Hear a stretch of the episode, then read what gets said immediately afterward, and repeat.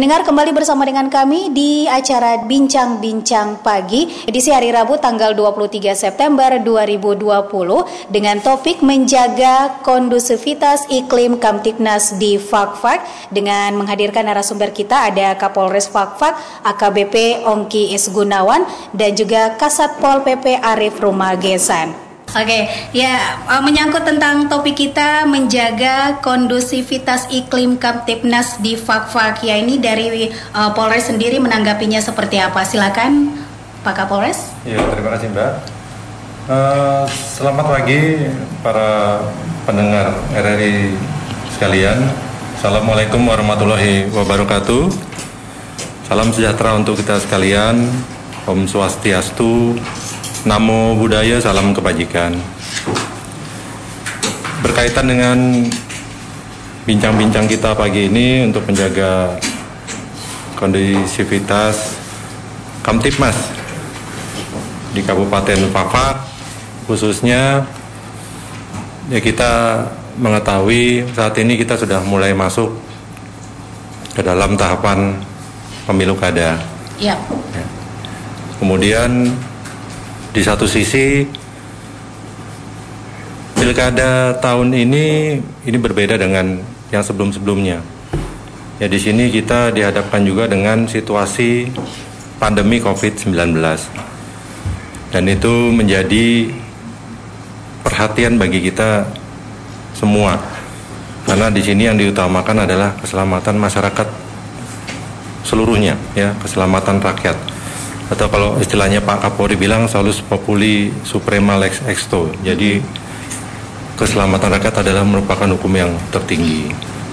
Nah, di sini kita uh, mengucapkan terima kasih juga kepada RRI mengundang kami dari Polres Fakfak untuk uh, kita bertukar pikiran ataupun menyampaikan hal-hal yang harus masyarakat Pafak ketahui, terutama berkaitan dengan uh, pilkada yang akan kita laksanakan dalam waktu dekat ini. Demikian, Mbak. Iya, baik. Kalau dari uh, Satpol PP sendiri uh, sesuai dengan topik kita pagi hari ini, silakan Bapak. Baik, terima kasih atas kesempatan yang diberikan. Assalamualaikum warahmatullahi wabarakatuh. Waalaikumsalam. Salam, salam sejahtera bagi kita sekalian. Yang pertama, kami memberikan apresiasi dan ucapan terima kasih kepada RI yang mana telah memberikan kesempatan kepada kami menyampaikan terkait dengan uh, Trantibum, ketentraman dan ketertiban umum. Ini bagian dari tugas dan tanggung jawab Satuan Polisi Pamong Praja. Yep. Nah, terkait dengan pelaksanaan pilkada, kami Satuan Polisi Pamong Praja pada prinsipnya siap melaksanakan sesuai dengan peran dan tugas kami. Selain itu, di era Covid pun kami pun akan menyesuaikan menyesuaikan dengan peran-peran yang memang itu bagian dari tanggung jawab kita. Mm -hmm. Nah kalau terkait dengan keamanan ada menjadi ranah dari kepolisian kalau ketentraman tertib secara umum itu bagian dari kami. Tinggal kami nanti menyelesaikan itu. Mungkin seperti itu.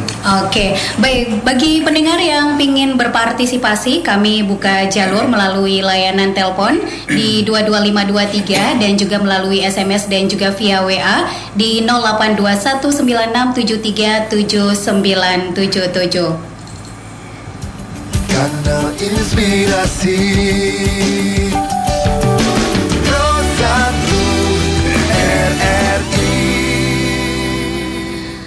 Iya, Bapak ini terkait tentang uh, menjaga uh, kondisivitas Kamtipnas ya. Uh, ini mungkin kegiatan-kegiatan sinergi apa saja yang sudah dilakukan Polres dan juga Satpol PP terkait tentang Kamtipnas ini. Silakan dari Bapak Kapolres dulu. Ya. Uh, jadi memang uh, mungkin saat ini kita fokuskan uh, yang berkaitan dengan pilkada mungkin ya mbak mm -hmm, ya. Yep. Uh, kalau secara umumnya memang uh, secara umum kondisi Kamtipmas di Kabupaten Papak cukup baik. Ya memang ada beberapa pekerjaan rumah yang memang masih menjadi uh, tugas bagi saya untuk uh, menyelesaikan terutama dalam peredaran minuman keras. Iya, pekerjaan ya, rumah seperti apa nih Bapak? Ya, itu tadi. Uh, banyak kalau dari laporan atau tindak pidana yang masuk gitu, yang yang kita terima itu memang kebanyakan berkaitan dengan rumah tangga, ya KDRT, kemudian ada juga pelecehan seksual, kemudian juga kenakalan remaja yang diakibatkan ini kebanyakan dari efek dari minuman keras itu sendiri. Iya. Nah di sini kami juga berusaha untuk menindaklanjuti hal-hal tersebut dengan melaksanakan kegiatan eh, menghilangkan peredaran minuman keras itu sendiri dengan Minuman keras, ah, ya. dengan dengan melakukan penindakan. Ya eh, dari medio September ini sudah tiga tiga kasus yang kita tangani. Kalau yang kemarin-kemarin itu kita terhenti karena permasalahannya setiap kita menangani atau menangani ya menangani masalah minuman keras ini kita harus melaksanakan pemeriksaan ke Balai POM maupun ke eh, tempat khusus untuk mendapatkan bukti bahwa barang tersebut adalah memang, memang minuman keras Minuman dan itu keras. adalah untuk eh, persyaratan kita untuk lanjut ke dalam pemberkasan untuk nanti ke kejaksaan. Karena kemarin pandemi Covid, kemudian kita juga tidak ada eh, sarana transportasi baik laut maupun udara. Jadi kita sempat terhenti. Nah sekarang karena sudah dibuka kembali penerbangan udara maupun dari laut, ya, kita sudah melaksanakan kembali penindakan-penindakan terhadap tempat-tempat tersebut yang bisa eh, mengakibatkan ya kalau kita sudah namanya kita minuman minum, apa minum minuman keras Iya. pasti alam bawah sadar kita sudah itu tidak tidak bisa atau logika kita tidak bisa apa tidak bisa digunakan Iya. karena sudah terpengaruh oleh eh, alkohol. Takut terjadi ya Iya. hal-hal yang tidak diinginkan gitu ya. Kebanyakan yang terjadi adalah bukan positif tapi negatif. Iya, betul. Nah itu itu yang harus kita memang antisipasi. Saya minta tolong juga kepada masyarakat uh, dan nggak- itu nggak usah jauh-jauh dari dari dari sekeliling kita saja, dari pihak dari keluarga, kemudian lingkungan tempat tinggal kita. Kita yang harus mengedukasi adik-adik kita maupun maupun keluarga kita, itu mbak. Oke, baik. Ini dari kalau dari Satpol PP sendiri menanggapinya seperti apa nih, Bapak? Iya, baik. Terima kasih. Jadi miras ini memang menjadi masalah di mana-mana. Iya. Baik yang oplosan dan yang lain. Yang jelas kami dari Satuan Polisi Pamung Praja karena memang beberapa waktu lalu mengalami kendala dari Sarpras. Dan insya Allah nanti dalam waktu dekat ini kita sudah mulai melaksanakan kembali secara rutin patroli dan pengawasan terhadap tempat-tempat tertentu termasuk tempat-tempat hiburan.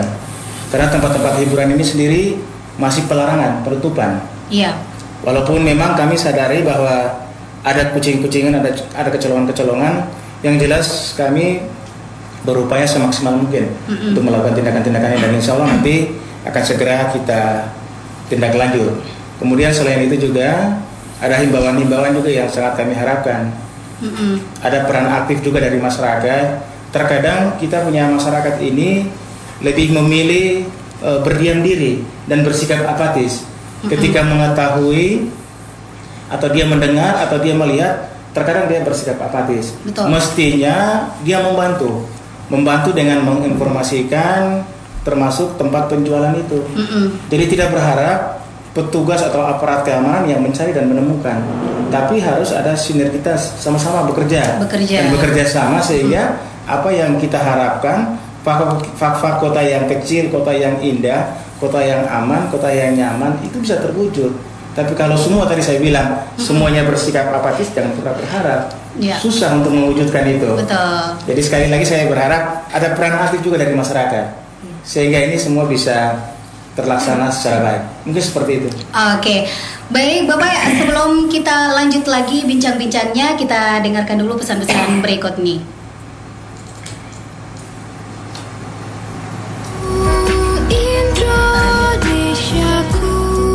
Indonesia negara yang merdeka hasil perjuangan rakyatnya, bukan pemberian bangsa lain.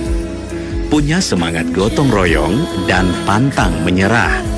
Negara maritim dan kepulauan nomor satu di dunia, dikaruniai keindahan alam yang mempesona. Rumah bagi kekayaan laut serta terumbu karang memiliki hutan tropis terluas, yang menjadi paru-paru dunia, penghasil rempah dan tanaman berhasiat terbaik di dunia. Kaya akan ragam budaya, adat istiadat, bahasa, dan memiliki sikap toleransi antar umat beragama. Indonesia punya semua yang dibutuhkan untuk menjadi bangsa yang maju, menjadi rumah kebanggaan bagi kita semua. Kita punya sejuta alasan untuk bangga menjadi Indonesia.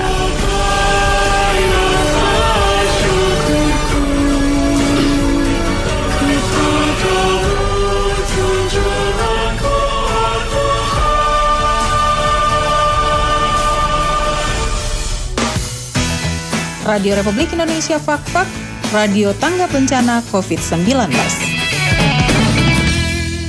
Baik, pendengar masih bersama dengan kami di Bincang-Bincang Pagi ini masih dengan topik menjaga kondusivitas iklim Kamtipnas di Kabupaten Fakfak dengan dua narasumber kita Kapolres Fakfak dan juga Kasat Pol PP.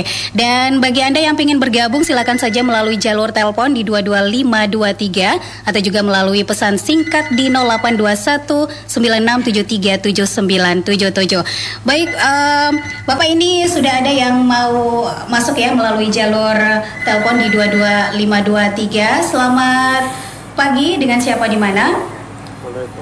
Iya, Waalaikumsalam warahmatullahi wabarakatuh. Dengan siapa di mana? Dengan Pak Husin di Wagong. Pak Husin di Wagong. Silakan Pak Husin. Baik, eh, Assalamualaikum Pak Kapolres sama Pak Satpol Waalaikumsalam. Waalaikumsalam warahmatullahi wabarakatuh, Bapak. Iya, ini mau tanya saja. Hmm yang aman itu seperti apa, yang tidak aman seperti apa. Makasih, Assalamualaikum. Waalaikumsalam warahmatullahi wabarakatuh. Iya, mungkin dari Bapak Kapolres uh, iya. dulu menjawabnya silakan. Iya, terima kasih uh, Pak Usin. Uh, di sini saya jawab. Kalau definisi aman dan tidak aman itu kembali kepada kita. Ya, definisi aman itu menurut hmm, kami dari pihak kepolisian kita ya masing-masing orang ini atau masyarakat dapat melaksanakan kegiatan uh, sehari-hari atau aktivitas kita itu dengan tanpa ada rasa was-was. Rasa was-was itu banyak ya. Baik kita pada saat melaksanakan uh, kegiatan mau ke tempat kerja atau berangkat dan sebagainya kita mempunyai rasa was-was. Saya aman tidak di jalan. Ada nggak yang mau uh, membegal kita atau ada tidak yang mau mencelakai kita. Begitu juga dengan pikiran, wah ini anak saya mau sekolah dia di sekolah ini seperti apa? Hmm. ada nggak apa apakah lingkungannya uh, aman untuk bermain? Apakah ada anak-anak lain yang mengajak untuk berbuat tidak benar? Jadi definisi aman itu adalah kita merasa uh, tenang pada saat kita melaksanakan aktivitas kita sehari-hari. Iya. itu menurut apa menurut uh, saya gitu pak. Oke kalau dari satpol pp sendiri bapak silakan. Baik. Kalau perasaan aman nyaman ini yang pertama itu berpulang ke diri pribadi. Iya ke diri pribadi. Ketika dia mau melakukan sesuatu kemudian dia melengkapi segala sesuatu dengan baik dan pasti dia akan berjalan dengan aman. Tapi misalnya saja ketika kita kepingin keluar rumah mengendarai kendaraan kendaraannya harus kita periksa. Aman tidak? Saya ambil contoh ini. Ketika kendaraan itu sudah kita yakini aman kita periksa itu aman kita berjalan insya Allah akan aman dalam perjalanan.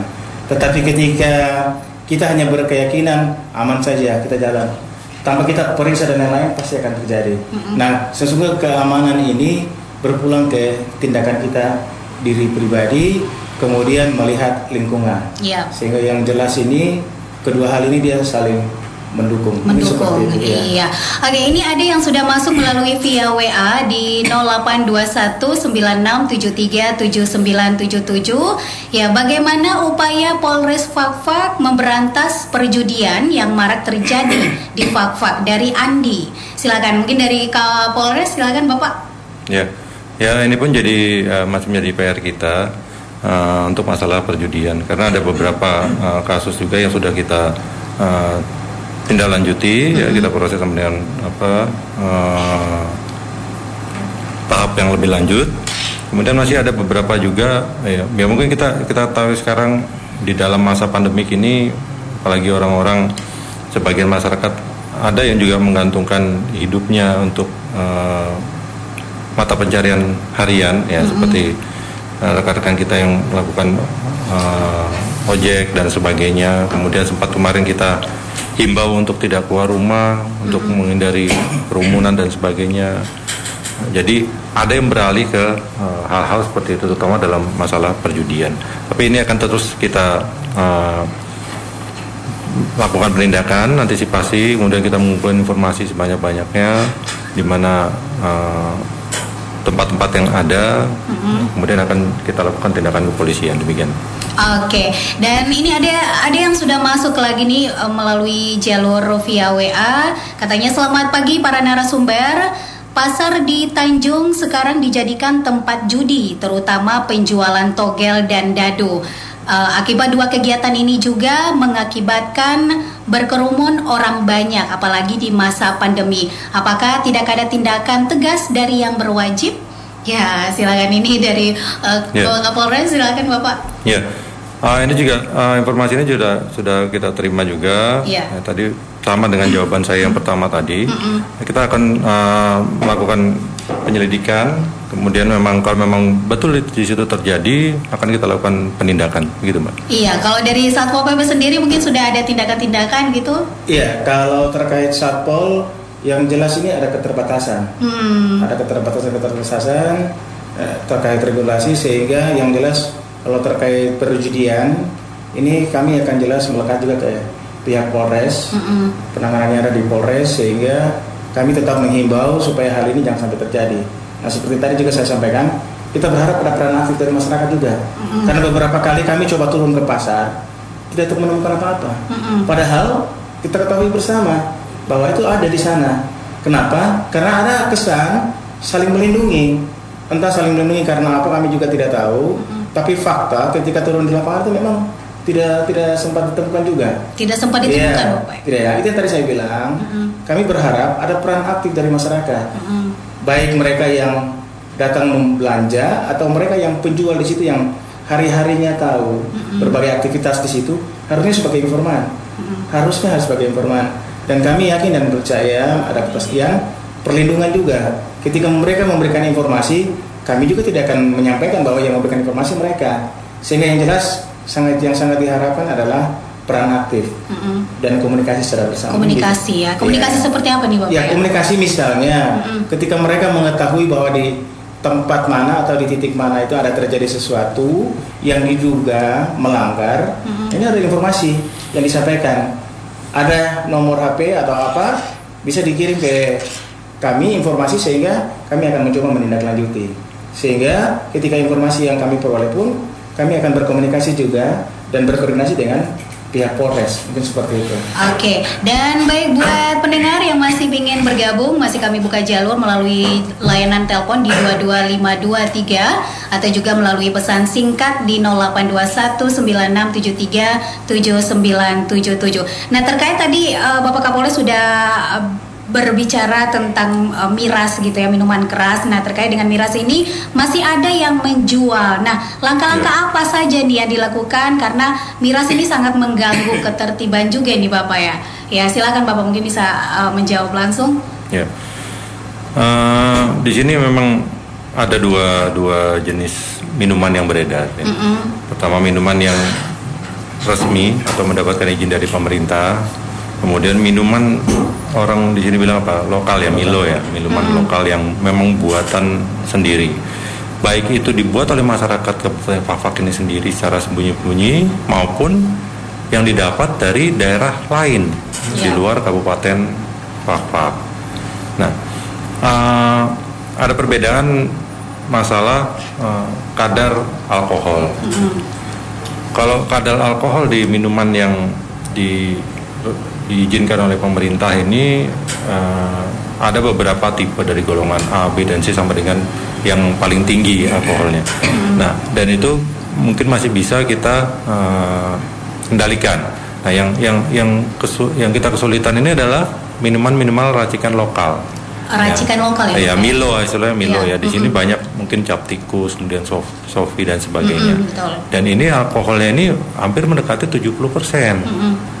Itu sama kalau kita beli alkohol di apotek gitu, Mbak. Nah, itu Iya. sama itu. Kadarnya segitu 70. Nah, itu Uh, dan inilah yang banyak dikonsumsi oleh masyarakat kita karena di satu sisi harganya memang merakyat, mm -mm. harganya murah, mm -mm. kemudian bisa memabukkan dan ini yang mungkin yang dicari oleh uh, oknum-oknum masyarakat ini ya untuk dikonsumsi. Mm-hmm. Yang tadi, tadi terakhir akhirnya kalau kita sudah terpengaruh oleh oleh oleh alkohol ini, kemudian kita melak, banyak melakukan perbuatan di luar sadar kita, di luar logika kita yang intinya mengarah kepada tindakan yang negatif ataupun juga mendekati kriminal dan itulah yang banyak masuk ke pada uh, lapor-lapor yang ada di Polres. Nah, tadi saya bilang tindakan kita sudah dalam September ini sudah tiga kasus yang kita apa namanya melakukan penindakan ya termasuk dari orang-orangnya kemudian barang-barang kita sita kemudian orang-orangnya juga kita proses secara hukum begitu mbak iya masih menyangkut tentang miras ini bapak nih ya. ada ada diperbincangkan bahwa uh, ada oknum anggota yang membekap nah ini seperti apa ya. Kapolres menanggapinya nih bapak ya. kalau jadi saya eh, perlu saya sampaikan juga. Di sini saya tidak tidak apa namanya uh, tidak pandang bulu, kemudian hmm. juga tidak main-main dengan peredaran miras ini karena ini mempengaruhi dengan nanti uh, masa depan generasi muda kita. Yep, iya, Ya, sekarang mungkin tidak terasa, tapi begitu sudah uh, bertahun-tahun itu akan terasa ya tubuh kita, badan kita juga akan rusak mm -hmm. dengan dengan kalau kita sering mengkonsumsi miras. Bila ada anggota, silahkan apa eh, masyarakat sampaikan kepada saya, kepada kami, ya, kalau memang ada oknum anggota yang backingi dan lain sebagainya, kita akan lakukan penindakan. Ya begitu juga dengan uh, anggota atau oknum anggota saya, kalau memang ada yang menyalahi prosedur, ya tidak, walaupun mungkin bukan membackup, mungkin juga melakukan tindakan atau minum minuman keras, kemudian melakukan hal-hal yang tidak sewajarnya yep. sebagai aparat hukum laporkan ke kami. Insya Allah akan saya uh, lakukan uh, sos, uh, tindakan sesuai dengan prosedur hukum yang berlaku. Ya, karena kita di sini sebagai aparat uh, negara, mm -hmm. ya kita di, diatur dalam undang-undang itu apa yang boleh dan apa yang tidak boleh. Ya sudah, contohnya sudah banyak. Ya mungkin saya kita juga sudah tahu uh, sendiri. Mm -hmm. Beberapa saat yang lalu ada juga oknum anggota saya yang mengkonsumsi miras kemudian terjadi laka lantas mengakibatkan uh, masyarakat ada yang meninggal nah itu kita proses juga dengan secara hukum dan itu menjadi contoh bagi yang lain-lain agar tidak main-main dengan yang namanya minuman keras ini. Mungkin. I, iya, kalau uh, sudah berapa banyak nih oknum anggota yang uh, ditindak terkait miras ini? Uh, ada beberapa mbak. Kalau yang kita sedang minta saran hukumnya hmm. untuk yang bersangkutan ini masih masih bisa dipertahankan sebagai anggota Polri atau tidak. Ini ada tiga kasus yang kita minta saran hukumnya ke Polda. Kemudian yang yang kita proses saat ini ada dua mbak, jadi total ada lima. Ada lima kasus. Ya. Oke deh. Baik, uh, sebelum kita lanjut lagi, kita istirahat sejenak. Kita dengarkan dulu satu lagu berikut ini.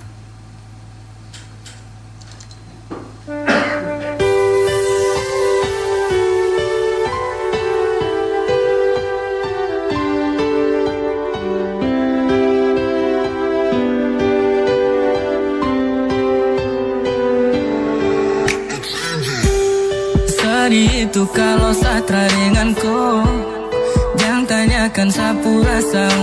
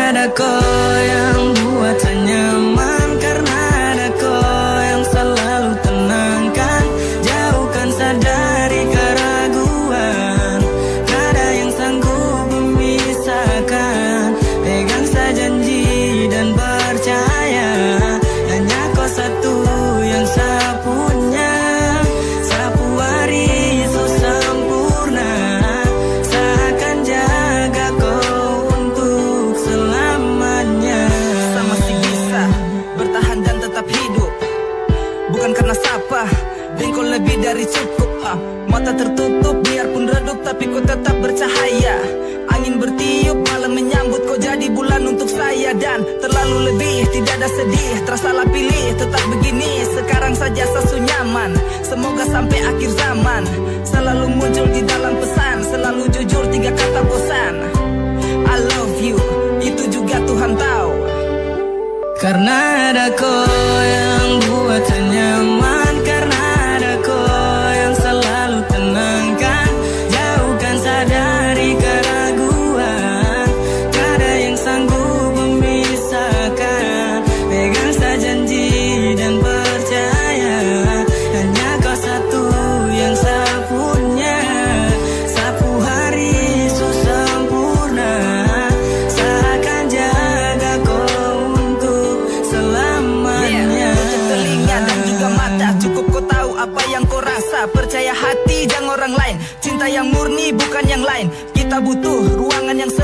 terbuka Curahkan rasa dalam hati Sa untuk kau, kau untuk sa. Dua panggilan yang menjadi kita. Dan takkan sa lepaskan. Tak pernah rasa bosan. Terpisah jarak dan tak bertatap Tapi kau tetap saya impikan. Untuk bertemu Kembali bersatu. Tuhan su tahu kita pun mau. Semoga kau bisa tersenyum selalu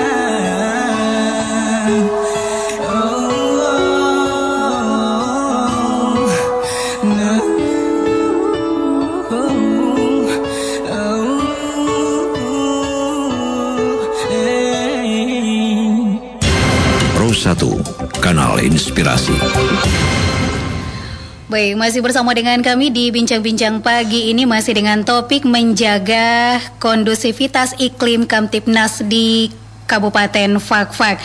Baik, Bapak Kapolres dan juga Bapak eh, Kasatpol ini sudah ada yang masuk melalui jalur via WA.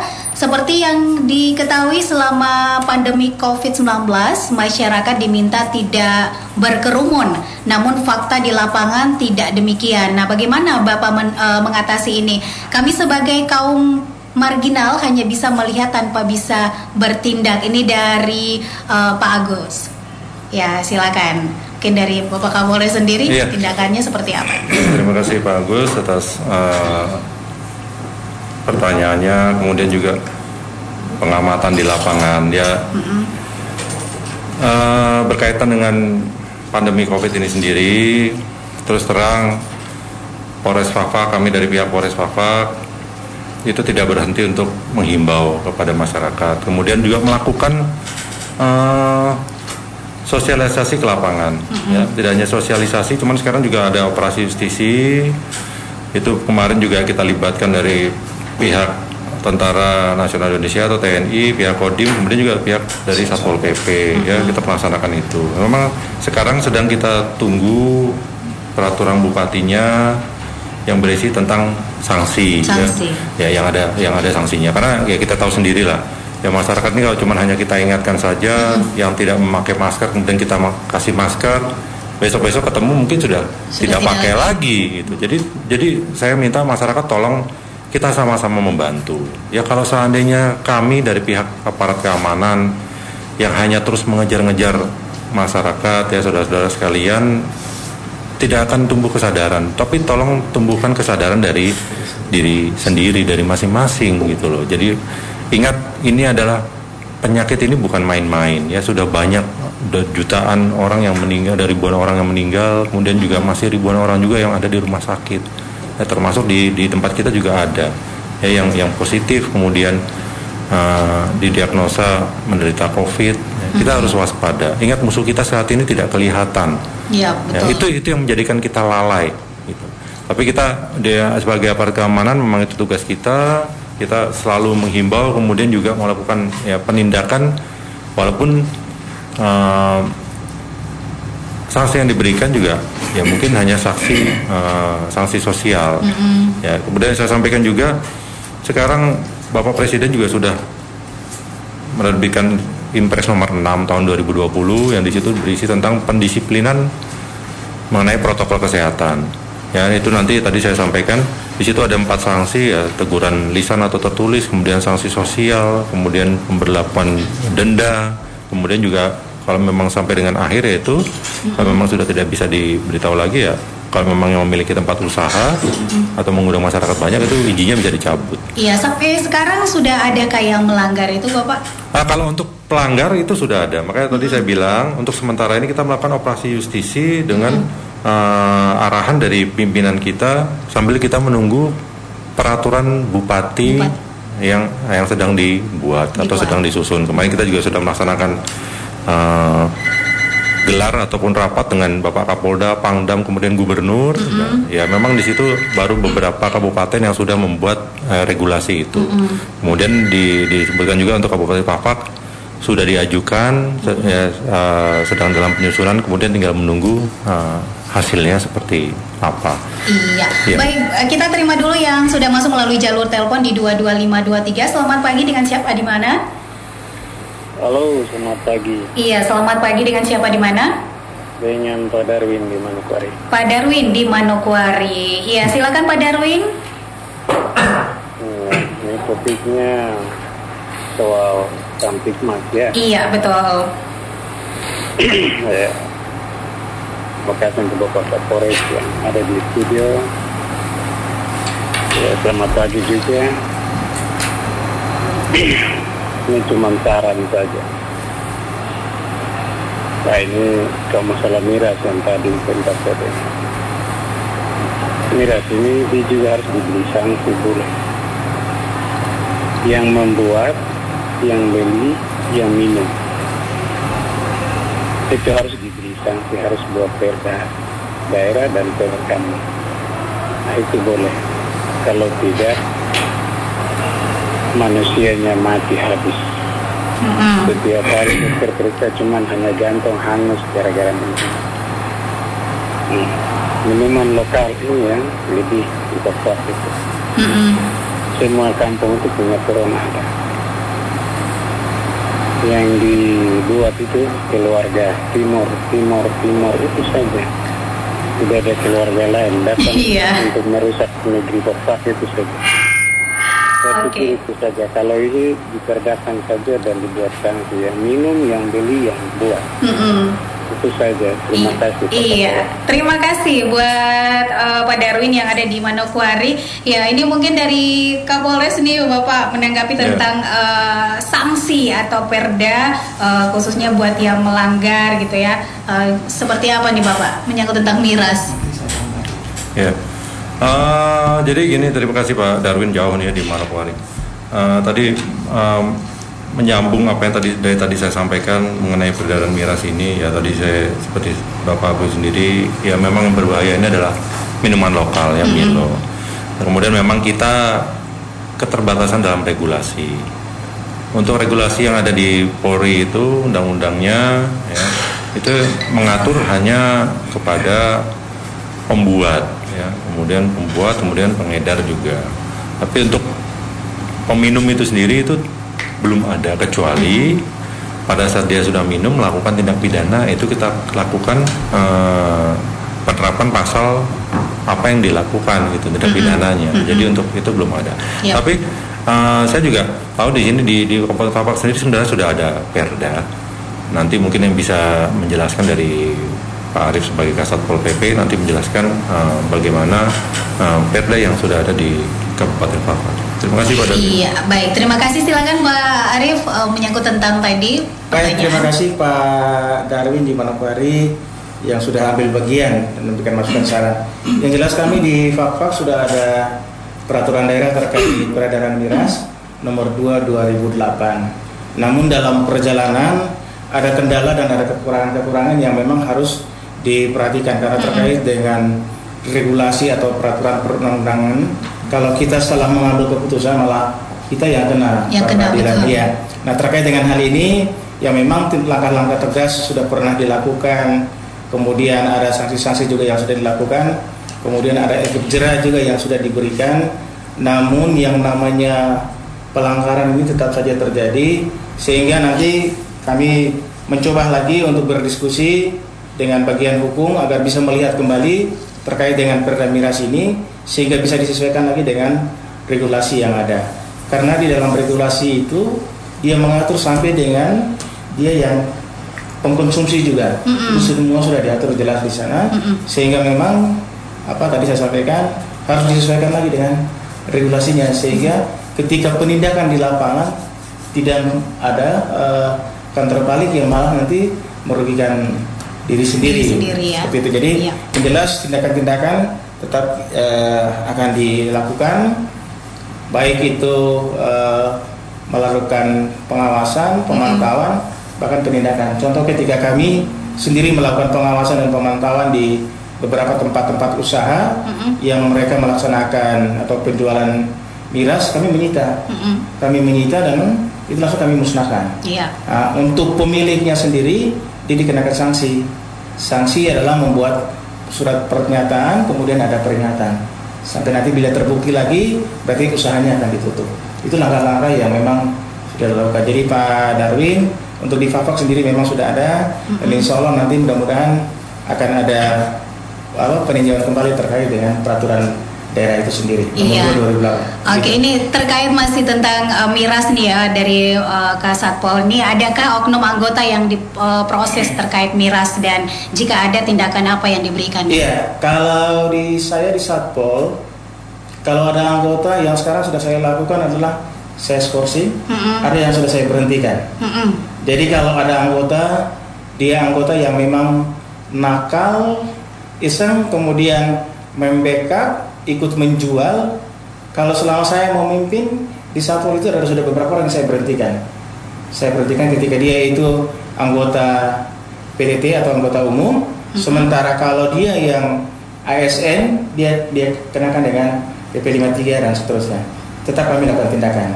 Dan kemarin ada juga yang kami sudah skorsing. Sementara Oh, sudah ada ya, ada. Bapak ya? Karena Iya, iya. diberhentikan dan diskorsing.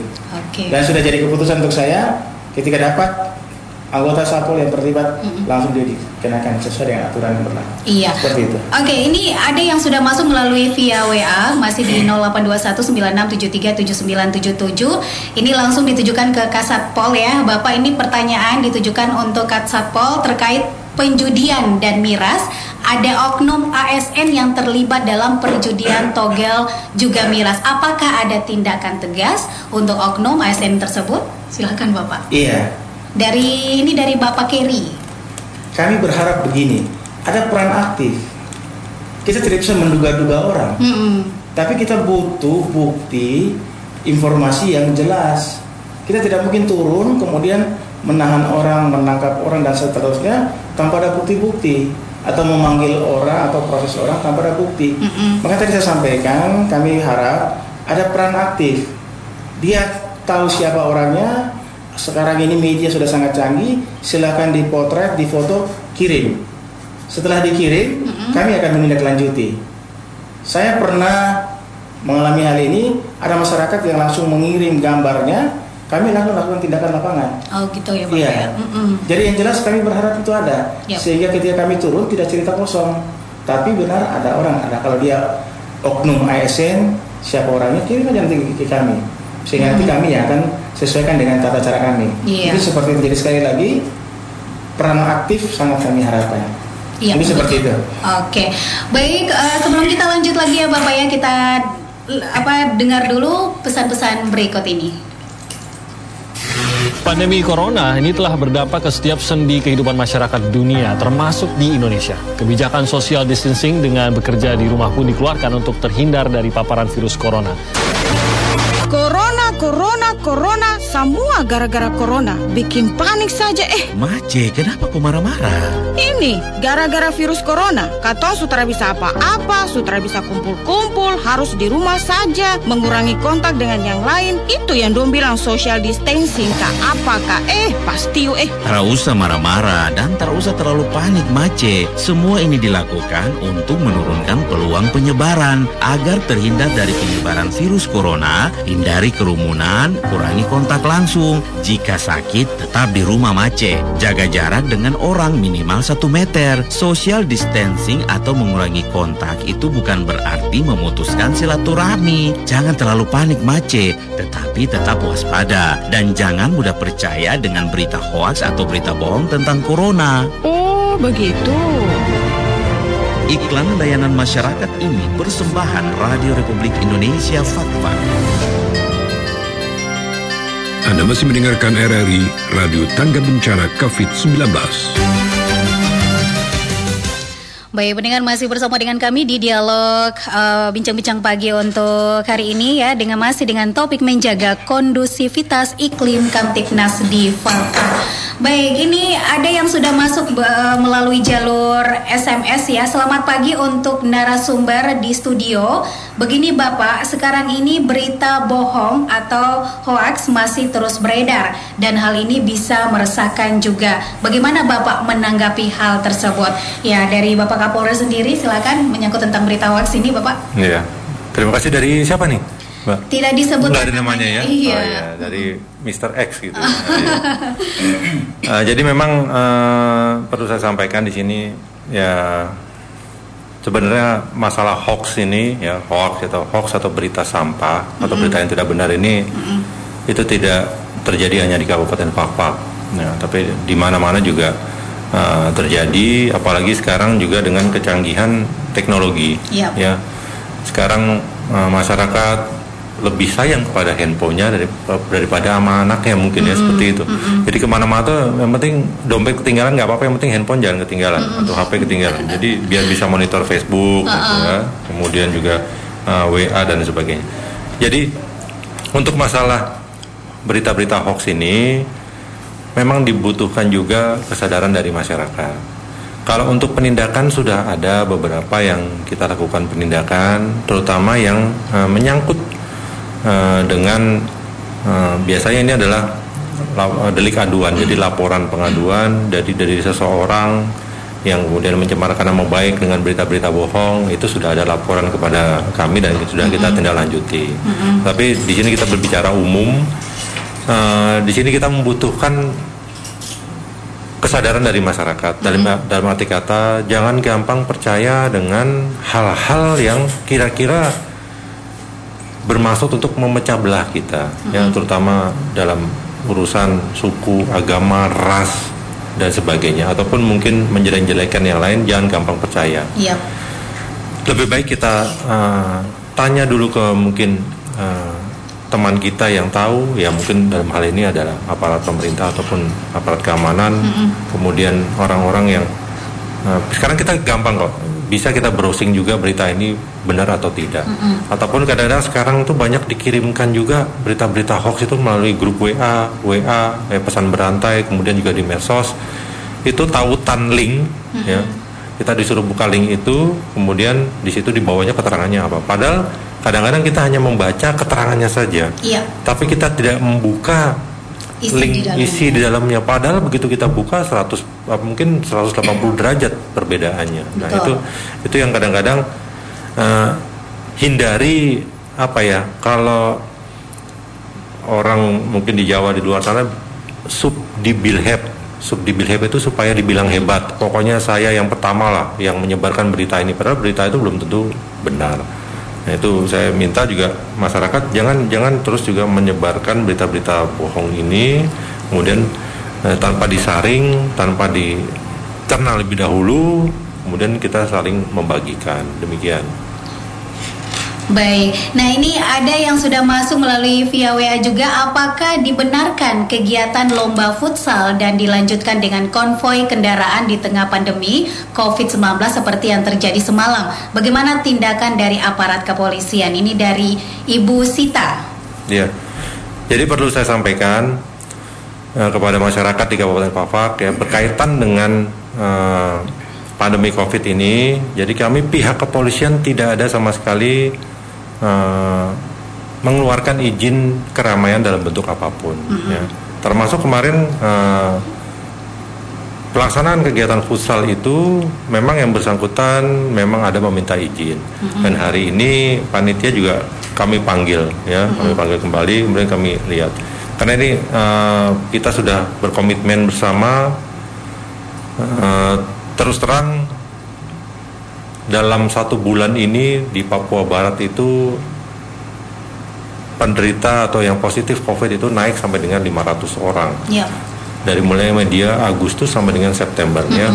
Pada saat Agustus itu masih sekitar uh, ini keseluruhan itu 459. Tapi begitu kemarin September sampai dengan hari kemarin itu ada sekitar seribu sekian. Ya, jadi kenaikannya itu sangat signifikan. Jadi saya minta juga mohon kesadaran dari siapa pun dari pihak mana pun juga tidak ada melaksanakan kegiatan apa pun. Ya, kami dari pihak Polres juga tidak memberikan izin untuk kegiatan kemarin. Mm-mm, mm-mm. Iya itu Demikian, saja Bapak ya. ya. Oke, ini ada yang sudah masuk dari Ibu Dewi ingin menyampaikan saran hukum dan aturan seharusnya tidak apa nih ya, tidak tebang pilih yang melanggar aturan wajib ditindak tegas. Jangan sampai hukum di negeri ini tumpul ke atas dan tajam ke bawah. Terima kasih Pak. Ini dari Ibu Dewi. Nah ini dari eh, Pak Kapolres dan juga Pak eh, Kasatpol menanggapinya seperti apa? Silakan. Ya, ya memang di sini banyak juga masyarakat yang yang istilahnya eh, berpendapat seperti itu ya masih beranggapan bahwa hukum ini tajamnya ke bawah tapi tumpul ke atas jadi seperti itu. Jadi perlu saya sampaikan juga kepada ibu Dewi ya. Iya. ibu Dewi eh, selama saya di sini saya berusaha untuk tidak tebang pilih ya. Siapa pun itu yang terlibat seperti tadi saya sampaikan sudah ada lima anggota saya yang memang berbuat di luar eh, kepatutan ya sebagai aparat hukum itu kita tindak tegas ya. Sampai dengan ada ya yang kita proses sampai dengan tingkat pengadilan Ya, dan itu mungkin juga eh, ancaman hukumannya bisa sampai dengan dipecat ya. Kemudian dia melaksanakan hukuman penjara kemudian dipecat ya. Itu adalah bukti salah satu bukti juga bahwa saya eh, atau kami tidak te- tebang pilih ya. Dalam hal itu walaupun itu anggota saya dan sebagainya kalau memang memang ada yang eh, bersalah tetap akan kita proses sesuai dengan hukum yang berlaku. Nah, saya minta juga kepada masyarakat, ya, bila memang ada yang melihat kemudian perlakuan dari oknum-oknum eh, anggota saya, anggota Polres Fakfak ini yang tidak sepatutnya, tidak sewajarnya, itu segera informasikan kepada kami. Itu untuk yang eh, berkaitan dengan anggota Polres Fakfak. Tapi kalau untuk yang lainnya tetap eh, tidak ada tebang pilih kalau kami dalam penanganan kasus. Jadi apa pun mungkin kasus korupsi yang dilaporkan dan sebagainya tetap kita kita proses. Cuman memang semua itu kan ada jalur hukumnya, Oke. ada tahapan-tahapannya. Iya. Jadi tidak bisa serta merta langsung kita tentukan hukumannya dan sebagainya. Iya baik Bapak terima kasih dan eh, dari Kasatpol sendiri Baik, silakan Bapak. eh, terkait dengan tebang pilih yang jelas kalau menurut saya tidak ada tebang pilih. Mm-mm. Yang jelas ketika seseorang dia melakukan pelanggaran, kemudian dia memenuhi unsur dari pelanggaran itu sendiri, kemudian ada aturan yang mengatur dan mengikat, Mm-mm. dia harus dilakukan dengan itu. Yap. Sehingga tidak ada tebang pilih atau pilih kasih dan lain-lain. Mm-mm. Sehingga ketika ada tebang pilih atau pilih kasih dan lain-lain itu terjadi, itu awal dari satu kehancuran Mm-mm. awal dari satu kehancuran menurut saya. Jadi sekali lagi ketika kita berbicara, ketika kita menyebut seseorang itu salah, kita harus berani membuktikan salahnya apa, di mana, kapan, Mm-mm. apa yang dia lakukan. Silakan informasikan. Kalau terkait dengan anggota dari Satuan Polisi Pamung Praja, silakan. Kami di Satuan Polisi Pamung Praja kantornya juga terbuka. Mm-mm. Dan ini saya sudah langsung melakukan tindakan. Kalau ada oknum-oknum anggota yang mencoba untuk merugikan masyarakat dan lain-lain atau melakukan hal-hal atau pungli-pungli atau pungutan apa pun, silakan langsung. Silakan langsung saja ke kami di kantor menginformasikan. Baik. Dan alhamdulillah selama ini ketika saya mendapat informasi laporan dari masyarakat, semuanya langsung saya lakukan tindakan. Oke. Seperti itu. Iya, baik ini waktu juga nih tinggal beberapa menit ya. Kita closing statement dulu dari Bapak Kapolres. Silakan Bapak. Eh, jadi berkaitan dengan topik kita pada pagi hari ini, kemudian saya juga menekankan uh, khususnya kepada pelaksanaan nanti pemilu kada yang akan berlangsung. Mm-hmm. Ya kita tahu sendiri bahwa pemilu kada ini pasti akan melibatkan banyak masyarakat. Ya tadi saya bilang ini sudah di luar dari pada ke, uh, kebiasaan sekarang karena ada di pandemi COVID-19. Mm-hmm. Jadi di sini mungkin saya bisa membacakan uh, maklumat Kapolri, ya. Mbak ya. Ini ada saya perlu bacakan untuk para peserta pilkada, ya, kemudian masyarakat juga harus tahu maklumat Kepala Kepolisian Negara Republik Indonesia nomor maklumat 3 uh, eh, September tahun 2020 tentang kepatuhan terhadap protokol kesehatan dalam pelaksanaan pemilihan tahun 2020. Nomor satu, pemilihan kepala daerah merupakan pelaksanaan kedaulatan rakyat secara konstitusional yang dilindungi oleh undang-undang maka diperlukan penegasan pengaturan agar tidak menjadi klaster baru dalam penyebaran COVID-19. Yang kedua, untuk memberikan perlindungan dan menjamin keselamatan kepada penyelenggara pemilihan, peserta pemilihan, pemilih dan seluruh pihak yang terkait dalam rangka memutus mata rantai penyebaran COVID-19 pada adaptasi kebiasaan baru ini, Kepala Kepolisian Negara Republik Indonesia mengeluarkan maklumat A. Dalam pelaksanaan pemilihan tahun 2020 tetap mengutamakan keselamatan jiwa dengan mematuhi kebijakan dan peraturan pemerintah terkait penanganan, pencegahan, serta protokol kesehatan COVID-19.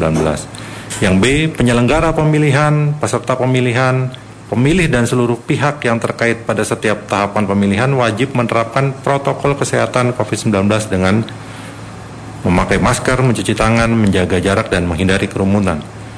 Yang C, pengerahan masa pada setiap tahapan pemilihan tidak melebihi batasan jumlah masa yang telah ditetapkan oleh penyelenggara pemilihan. Yang D, setelah selesai melaksanakan setiap kegiatan tahapan pemilihan, semua pihak yang terlibat dan masyarakat agar segera membubarkan diri dengan tertib tanpa arak-arakan maupun konvoy dan sejenisnya. Yang ketiga, apabila ditemukan perbuatan yang bertentangan dengan maklumat ini, maka setiap anggota Polri wajib melakukan tindakan kepolisian yang diperlukan sesuai dengan ketentuan perundang-undangan yang berlaku. Demikian maklumat ini disampaikan untuk diketahui dan dipatuhi oleh seluruh masyarakat. Jakarta 21 September 2020 Kepala Kepolisian Negara Republik Indonesia Dr. Andes Idam Aziz MSI Jenderal Polisi. Demikian Mbak yang apa yang yang saya sampaikan. Jadi saya himbau kepada masyarakat kita sama-sama uh, menjaga diri kita agar kita tidak terpapar Baik. oleh COVID-19 ini dengan mematuhi protokol kesehatan dan menerapkannya dalam kehidupan kita ya. sehari-hari. Ya. Baik, terima kasih. Dan yang terakhir uh, Kasatpol Bapak Arif silakan. Baik. Dari kami Satpol sederhana saja, mari kita bangun asas kepatuhan mm -mm. terhadap ketentuan dan aturan yang berlaku yep. demi keamanan dan kenyamanan kita secara keseluruhan. Demikian. Oke, okay.